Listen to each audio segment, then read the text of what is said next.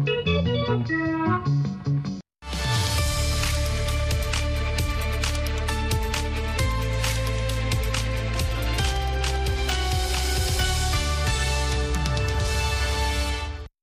ብሓጺር ማዕበል ዓሰርተ ትሽዓተን ዕስራን ሓሙሽተን ሜትር ባንድ ኣብ ተለቪዥን፣ ኣብ ሳተላይት ኢትዮሳት ከምኡ እውን ብመርበባት ዩትዩብን ፌስቡክን ካብ ኣርባዕተ ክሳብ ኣርባዕተን ፈረቓን ወይ ድማ ካብ ሰዓት ዓሰርተ ክሳብ ዓሰርተን ፈረቓን ካብ ዋሽንግተን ዲሲ ዝፍኖ ሬድዮ ድምፂ ኣሜሪካ እዩ።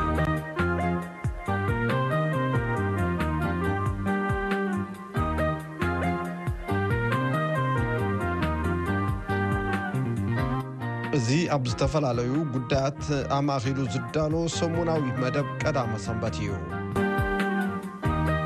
ሰላም ከመይ ተምስዩ ክቡራት ሰማዕቲ ሎሚ ቀዳም 10 ለካቲት 2024 ወይ ከዓ 2 ለካቲት 2016 እዩ። ኣብ ናይ ሎሚ ፈነወና ንህልዊ ፖለቲካዊን ዲፕሎማሲያዊን ዝምድናታት ኤርትራ ዝምልከት መደብ ክህልወና እዩ። ምሳና ጸኒኹም ንኽትከታተሉና ብኽብሪ ንዕድም። ኤርትራ ንነዊሕ እዋን ስማ ኣብ መራኸቢ ብዙሃን ዝሒላ ድሕሪ ምጽናሕ፣ ኣብ ቀረባ እዋን ብዝተፈላለየ ጉዳያትን ከባብያዊ ምዕባለታትን ዝምልከት ትጥቀስ ኮይና ኣላ። ንምዃኑ ኣብዚ እዋን እዚ ኤርትራ ብፖለቲካዊ፣ ማሕበራውን ዲፕሎማስን መዐቀኒ ኣብ ምንታይ ብርኪ ትርከብ? ትዕዝብቶም ከካፍሉና ክልተ ኣጋይሽ ዓዲምና ኣለና። ንኩነታት ኤርትራ ካብ ነዊሕ እዋን ብቐረባ ዝከታተልን ብዙሕ ግዜ ጋሻ ድምጺ ኣመሪካ ዝኾነን ኣልኣዛር ኣብርሃም ካብ ካሊፎርንያ ከምእውን ዳኒኤል ጋርዛ ካብ ዓዲ እንግሊዝ እዮም። ዳኒኤል ጋርዛ፣ ፈለማ ተጋዳላይ ህዝባዊ ግንባር፣ ድሕሪ ናጽነት ኤርትራ ድማ ካብቶም ውሑዳት ሚሊተሪ ኣካዳሚ ዝተማህሩ፣ ድሕሪኡ እውን ድሕረ ምረቓ ኣብ ደቡብ ኣፍሪቃ ዝተማህረ እዩ።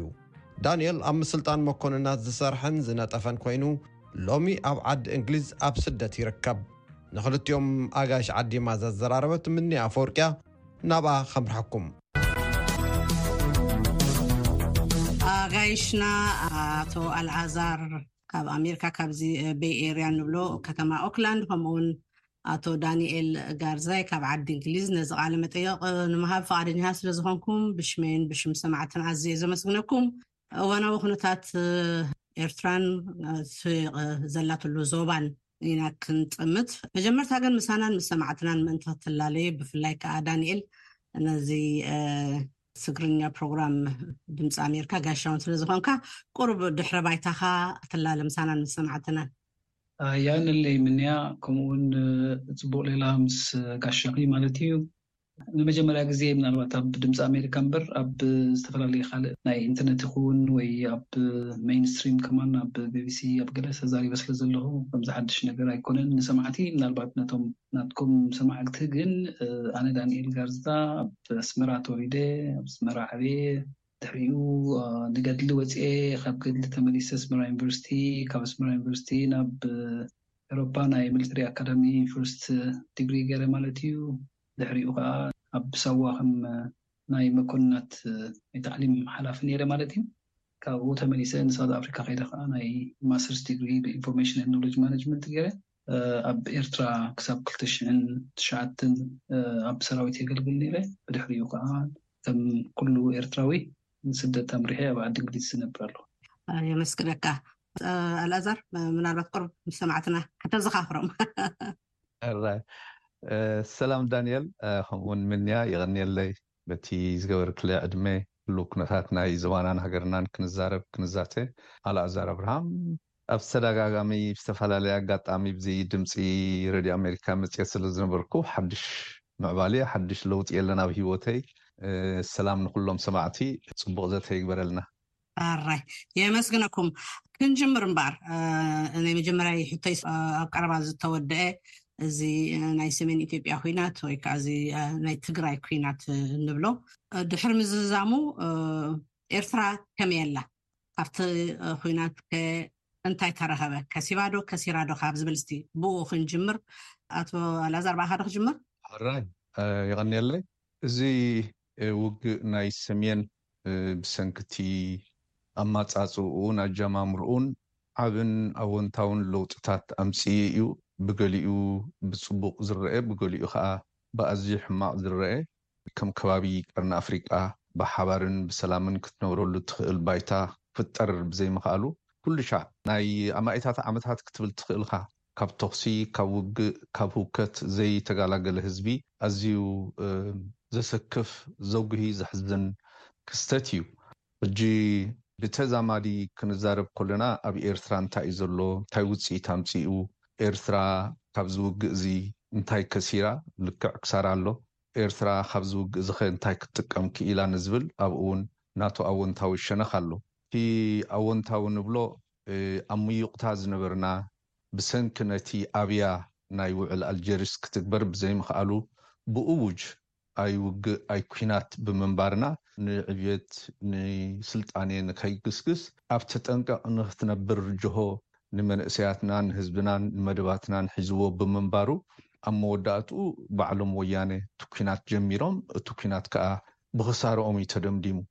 ዓቢ ክሳራ ጥራሕ ዘይኮነስ ህዝቢ ትግራይ ተጓኒፍዎ ዘሎ ጸገም ብሓቂ ዘሕዝን እዩ ብሓቂ ዘጉሂ እዩ ከም ህዝቢ ከም ሰባት መጠን እዚ ክጓነፎም ዘይጓሃየሉ ክህሉ ኣይክእልን እየ ይብል በቲ ሓደ ሸነኹ ብወገን ኤርትራ ክንብል ኮለና ካብ ክልተ ሽሕን ዓሰርተ ሸሞንተን ኣብ ኤርትራ ዝመጸ ኣዎንታዊ ለውጥታት ክንጠቅስ ሓደ ብወያነ ክመጽእ ዝኽእል ብቐጻሊ ዝህድድዎ ዝፍክርዎ ዝነበሩ መዓልቦ ከም ዝረኸበ ኣተኣማሚንና ንዛረበሉ ኢዩ።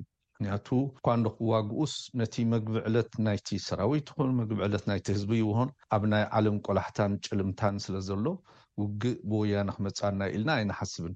እሱ ውግእ ናይ ብወያነ ስለዘይመጽእ ግን ከባቢ ቀርኒ ኣፍሪቃ ካብ ውግእ ነጻ እዩ ኢልና እውን ክንዛረበሉ ዘይንኽእል ብድሕሪኡ ዝመጸ ካልእ ዓበይቲ ምዕባሌታት ኣሎ። እቲ ካልኣይ ከም ኣዎንታ ንሪኦ ከም ኤርትራውያን መጠን ብወገነይ እቲ ኣብ ልዕሊ ኤርትራ ዝነበረ ካብ ባዶ ተበጊሱ ንነዊሕ ዓመታት እገዳ ብዝኾነ ይኹን መልክዑ ኤርትራ ንኸይትንቀሳቐስ ከም ማሕለኻ ኮይኑ ኣብ ልዒልኣ ዝነበረ ብውሕዱ ብእዉጅ ከምዝተላዕለን ከምዝተኣልየን ክንሰምዕ ክንፈልጥ ምኽኣልና ብዝበለፀ ኣብ ዓለም ለኻዊ ናይ ፖለቲካን ናይ ዲፕሎማሲን ክሳብ ሕጂ ዕዉት ዝኾነ ኣዎንታዊ ዝኾነ ውፅኢታት ክንርኢ ክኢልና ኣለና። ኣቶ ኣልኣዛር ኣብ መነባብሮ ህዝቢ ከ ኣብ መንእሰያት ማለት እሶም እንድዮም ኣብቲ ኩናት እዚ ነይሮም ኣብኣቶም ከ ዝተርኣየ ለውጢ ኣሎ ዶ? እቲ መንእሰይ ኣብቲ መዓልታዊ ህይወቱ ዓይነታዊ ለውጢ ብማተርያላዊ፣ ብነገራዊ ነገር ክምዘን ዝኽእል ኣሎ ክንብል ኣይንኽእልን ኢና። ኣብ ስነ ኣእምርኡን ኣተሓሳስብኡን ግን ናይ ሩፍታ፣ ናይ ዕረፍቲ፣ ናይ ቅሳነት ከም ዘሎ ርዱእ እዩ። ኩሉሻዕ ተጠንቀቕ ኢልካ ንውግእ ክትዳሎ፣ ብቐጻሊ ኣብ ታዕሊምን ኣብ ዕጥቅን ኣብ ብረትን ክትጸንሕን፣ በዚ ሕጂ ዘሎ ሩፍታ ክትርእዮ ከለኻ ናይ ስረ ኣእምሮ ቅሳነት ከም ዘሎ ርዱእ እዩ። ምክንያቱ እቲ መዓልታዊ ህይወት ናይቲ ዘጋ ወይ ብመዓልታዊ ህይወት ናይቲ መንእሰይ በዚ ጉየ፣ በዚ ኣርክብ፣ በዚ ክተት፣ በዚ ዕረድ ዝበሃል ኣይኮነን ዘሎ። ሕጂ ከመይ ጌርካ ናብቲ ልምዓት ኣቲኻ ብፍላይ ኣብ ዓውዲ ሕርሻን ህንጻን በቲ ዘሎ ዓቕሚ ናይቲ ሃገር ብዝከኣሎ ይወፍርን ይጎይን ይሰርሕን ከም ዘሎ ናቱ ውፅኢት ከኣ ኣብ ባይታ ዝረእ ዘሎ ነገር እዩ። እዚ ትከታተልዎ ዘለኹም ብሓጺር ማዕበል ዓሰርተ ትሽዓተን ዕስራን ሓሙሽተን ሜትር ባንድ ካብ ዋሽንግተን ዲሲ ዝፍኖ ድምጺ ኣመሪካ እዩ። ንኹነታት ኤርትራ ብመንጽር ውሽጣውን ከባብያውን ኩነታት ዝገምገመ ዘተ ምስ ኣቶ ኣልኣዛር ኣብርሃምን ኣቶ ዳንኤል ጋርዛን ኢኹም ትከታተሉ ዘለኹም። ምኒ ኣፈወርቂ እያ ነቲ መደብ ትመርሖ ዘላ ናብኣ ክመልሰኩም።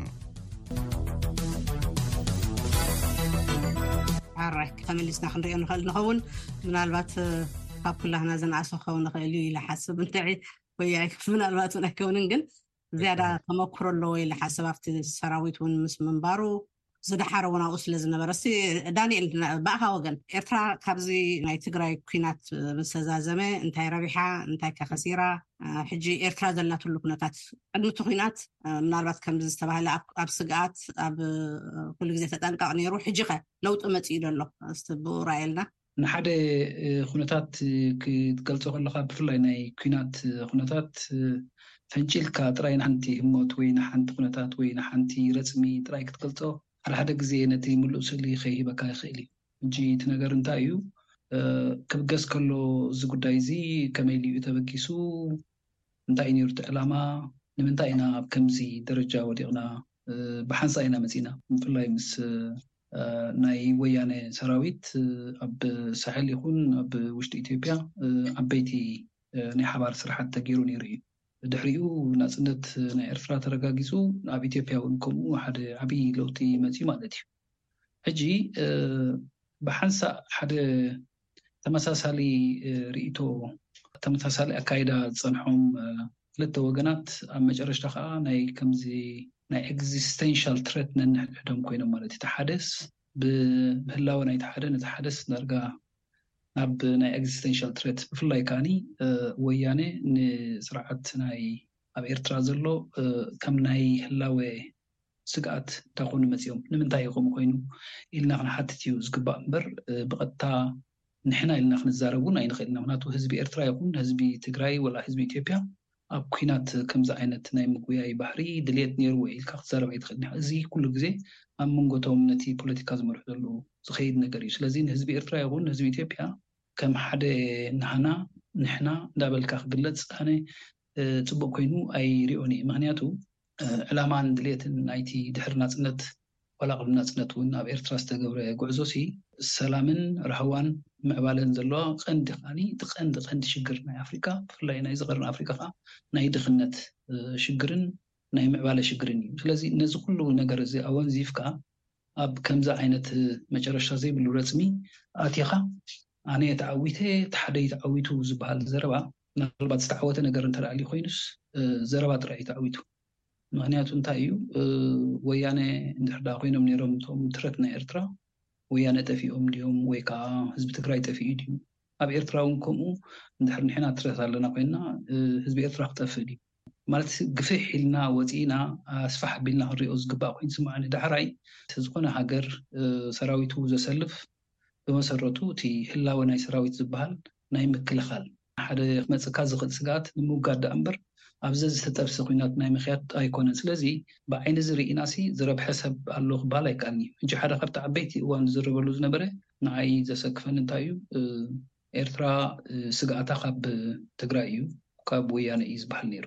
ዝኾነ ነገር ክለዓል ከሎ ወያነ ከለዉ እዚ ክንገብር ኣይንኽእልን ኢና፣ ወያነ ከለዉ እዚኡ ክንገብር ኣይንኽእልን ኢና፣ ወያነ ከለዉ ይበሃል ነይሩ። ድሕሪ ወያነ ከ እንታይ ተገይሩ እንተ ኢልና ካብ ክልተ ሽሕን ዓሰርተ ሸሞንተን ክሳብ ሕጂ ዳርጋ ከባቢ ሓሙሽተ ዓመት ኮይኑ ኣሎ።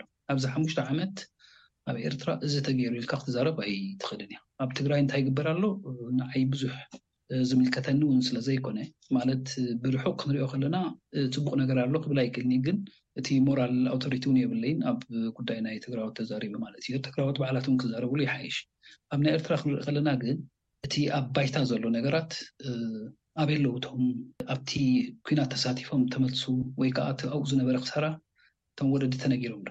ብዛዕብኡን እንታይ ጸብጻብ እዩ ዘሎ? እንድሕር ደኣ ንሃገርና ክንከላኸል ወይ ከኣ ነቲ ዝበርና ስግኣት ክነወግድ ኢና ደቅና ከፊልና ተባሂሉሲ ኣትሊስት እቶም ኣብኡ ዝወደቑ መንእሰያትሲ እቲ ዝግባእ ክብርን ሓዘንን ዝግባእ ክብሪ ናይ ሓደ ስውእ ተገይርሎም ድዩ ተገብረሎም ኢልና ክንሓትት ንኽእል ኢና። መጀመርያ እቲ ዝዓበየ ንሱ እዩ። ምኽንያቱ ንሕና ንዛረብ ዘለና ብዛዕባ ሆሆ እንድሕር ኮይኑ ሆሆ እንዳበልና ክንነብር ንኽእል ኢና ክሳብ መጨረሽታ ክሳብ ሓደ ነቲ ሓደ ክሳብ ዘህልቆ ወይ ገለ ማለት እዩ ብሓቂ ብግብሪ ክትሪኦ ከለኻ ግን ህዝቢ ኤርትራ ይኹን ዋላ ህዝቢ ትግራይ እንድሕር ክንብል ኮይና ኣብ ካብዚ ኹናት እዚ ረቢሑ እዩ ክበሃል ህዝቢ ኤርትራ ብፍላይ ረቢሑ እዩ ክትብል ኣይትኽእልን ኢኻ ሕጂ እታ ናይ ናሽናል ትረት ትበሃል ዘላ ወይ ሃገራዊ ስግኣት እንድሕር ደኣ ኮይኑ ናይ ሃገራዊ ድሕነት ስግኣት እዚ ብተዛማዲ ብብዙሕ መልክዑ ክንገልጾ ንኽእል ኢና ኣብ መጨረሽታ ግን ድሕሪ እቲ ኲናት ዝተገብረ ወይ ከኣ ዝተኣለየ ስግኣት ኣሎ ድዩ እንተድኣ ኢልና፣ እቲ ስግኣት ብኻልእ ስግኣት እዩ ተተኪኡ።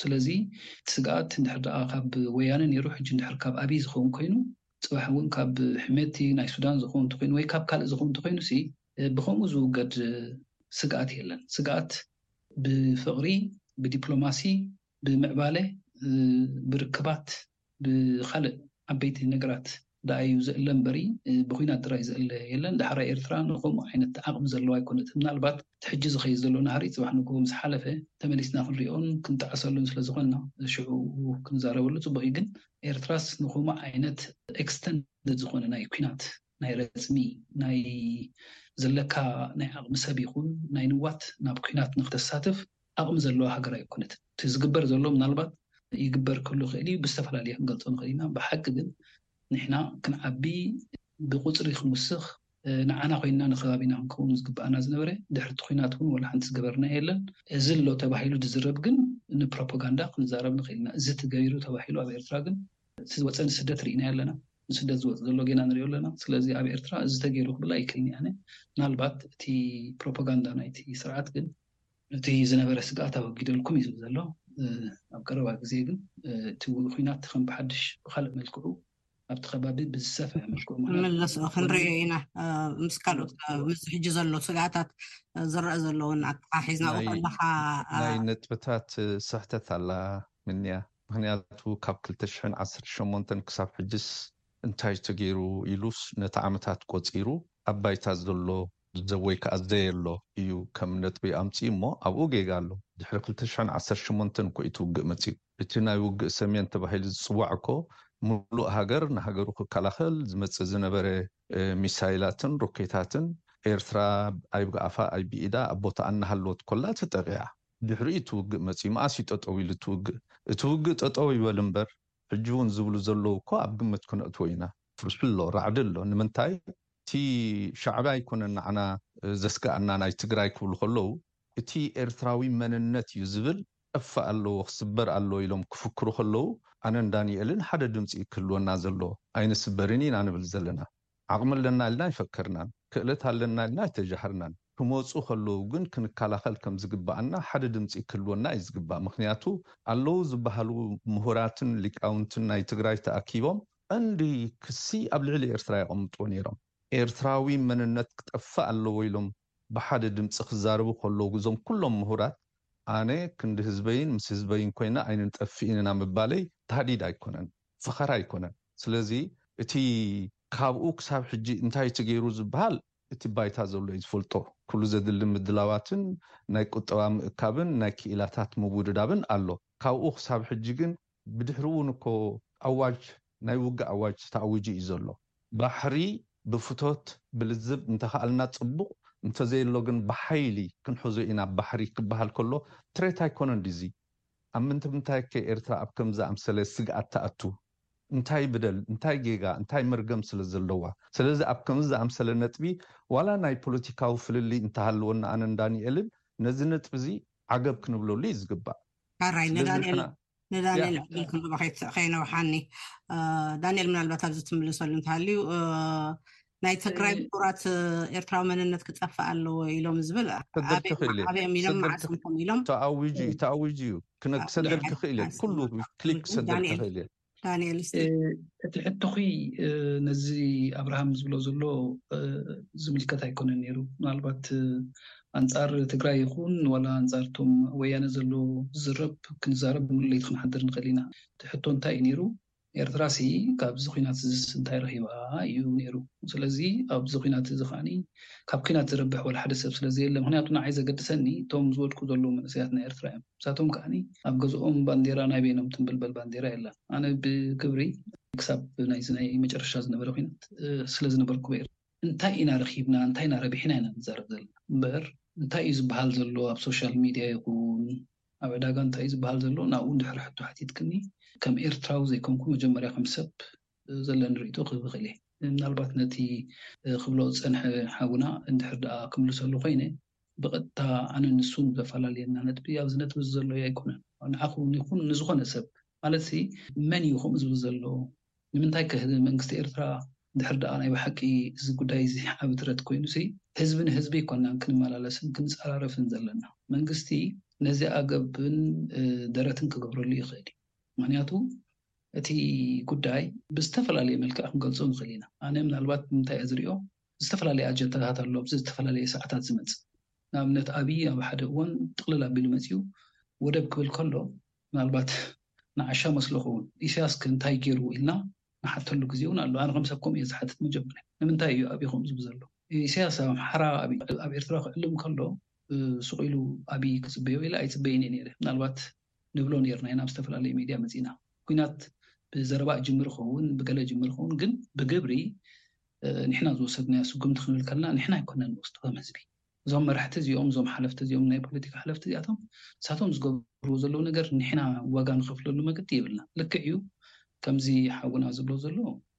ንሃገርና ኩልና ሃገር ዘለና ማለት እዩ ነንሃገርና ብስምዒት ብዙሕ ክንዛረብ ንኽእል ኢና ሕቶ ግን እሱ ኣይኮነን እቲ ርእስቲ ካብ እዚ ኩናት እዚ እንታይ ረቢሕና እዩ ካብዚ ኩናት እዚ ዋላሓንቲ ከምዘይረብሓና እየ ዝፈልጥ።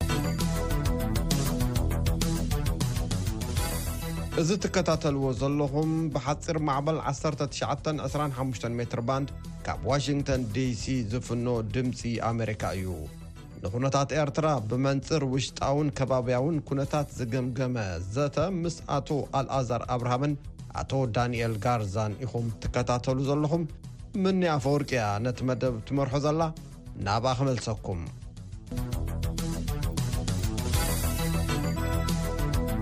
ሕጂ ኣብዚ እዋን እዚ ኣብ መንጎ ኤርትራን ምስ ጎረባብታ ኢትዮጵያን ሱዳንን ዘሎ ርክብ ከመይ ይመስል? ኣልኣዛር ኣብኡ ከለኻ ድማ ኤርትራ ናብ ኢጋድ ተመሊሳ ከተብቅዕ ግን ኣብ ቀረባ ግዜ ኣብ ኡጋንዳ ዝተኻየደ ኣኼባ ኣይተሳተፈትን። እዚ እንታይ እዩ ዘርእየና? ኣልኣዛር ንሳ መልሰለይ እሞ ካብኡ ንዳኒኤል ክንቦ ኢና። ኤርትራ ምስ ጎረባብቲ ሃገራት እንታይ እዩ ኩነታቱ ከመይ እያ ዘላ ንዝብል መጀመርያ ነገር ምስ ዳኒኤል ክላዘቦ ዝደሊ እንታይ እዩ ፀረ ህዝቢ ዝባሃል ነገር የለን ኣነ ብመትከል ብእምነት ፀረ ህዝቢ ትግራይ ኣይኮንኩን ንህዝቢ ትግራይ ይድንግፀሉ ተኪኢለ ይሕግዞ ስለዚ ህዝቢ ምስ ህዝቢ ክንብል ኮለና ኣነ ምስ ህዝቢ ኣይኮንኩን ዝዛረብ ዘለኩ እቶም ክመርሑን ክቅልሱን ዝክእሉ ዝብልዎ ዘለዉ እሞ ንህዝቢ ዘመሓላልፍዎ ዘለዉ መልእክቲ ኣዝዩ ሓደገኛ መርዚ ምኳኑ ክጠቅስ ስለዝደለኩ ጥራሕ እዩ ኣብቲ ሕጂ ዘምጻኽለይ ኣርእስቲ ግን ምንያ እቲ ጽቡቕ ድሌት ናይ ኤርትራ ነቲ ጽቡቕ መንፈስን ጽቡቕ ገጽን ናይ ኢትዮጵያ መራሒ ኣብ ግምት ብምእታው ኣብ ኣስመራ ውዕላት ተፈራሪሞም እዮም ክልቲኦም። ብድሕርኡ ሶማል ኣብ ዘላቶ ከኣ ዞባዊ ሓባራዊ ወፍሪ እና ኣብ ኩሉ ኩሉ ሰለስቲኦም ፈሪሞም እዮም እዚ ከም መበገሲ ኮይኑ ኤርትራን ኢትዮጵያን ሱማልን እንተ ተሳማሚዐን ንሉእላውነተን ብምክብባር ኣብ ሓባር ዕዮ ወዲኤን እቲ ሙሉእ ቀርኒ ኣፍሪቃ ክመሓየሽን ክልወጥን ከም ዝኽእል ርዱእ እዩ ነይሩ ኮምኡ እዩ ከኣ ነይሩ ናይ ሙሉእ ህዝቢ ቀርኒ ኣፍሪቃ ተስፋ ምንዮት ድልየት እንተኾነ ግን በየን መጸ ክበሃለሉ ዘይክእል ንዝኾነ ይኹን መራሒ ብዝገበሮ ብጭብጢ ኣምጺእና ክንነቅፍ ንኽእል ኢና ብዘይ ንሕስያ። ኢሳያስ እንታይ ኢሉ ክኸውን ኣለዎ? ኣብይ ከምኡ ክብል ከሎስ ኢሳያስ እንታይ ስለ ዝገበረ? ኢሳያስ እንታይ ስለ ዝበለ? ኢልካ ምዝራብ እንተልዩ ምምጽኡ ኢዩ። እንተልዩ ምቕራቡ ኢዩ። ብኻልእ ኣዘራርባ ግን ንዓለም ዘገረመ ባዕሉ ዝፈረመሉ ልኡላዊ ሃገራውነት ምኽባር ዝብል ሰለስቲኤን ሃገራት ፈሪመናሉ። ንዕኡ ጥሒስዎ፣ ኣብይስ ጥሒስዎ እዩ። ስለዚ ሕጂ ንክልቲኦም ማዕረ ክንነቕፎም፣ ንክልቲኦም መራሕቲ ክንነቕፎም ኢልካ ኣዘራርባ ኣይኮነን። ነቲ ናይ ሶማል ኣብ ልዕሊ ሶማል ዝውሰድ ዘሎ ስጉምቲ፣ ሶማሊላንድ ወተሃደራዊ መደበር ንምግባር ብዘይ ስምምዕን ብዘይ ርድኢትን ቅቡልነትን ናይ ሃገረ ሶማል ዝግበር ዘሎ መን እንታይ ይጥሕስ ከምዘሎ ዘካትዕ ኣይኮነን። እዚ ስለ ዝኾነ ነቲ ተበጊሱ ዝነበረ ሰለስቲኦም መራሕቲ ንሓባራዊ ምዕባሌ ዝገበርዎ ውዕል መን እዩ ኣፍሪስዎ ንዝብል ዘካትዕ ኣይኮነን። መራሒ ናይ ኢትዮጵያ ኣፍሪስዎ፣ ካብኡ ሓሊፉ ከማን ንዞባዊ ዓለምለኻዊ ሕግታት ኣፍሪሱ ካልእ ይገብር ኣሎ።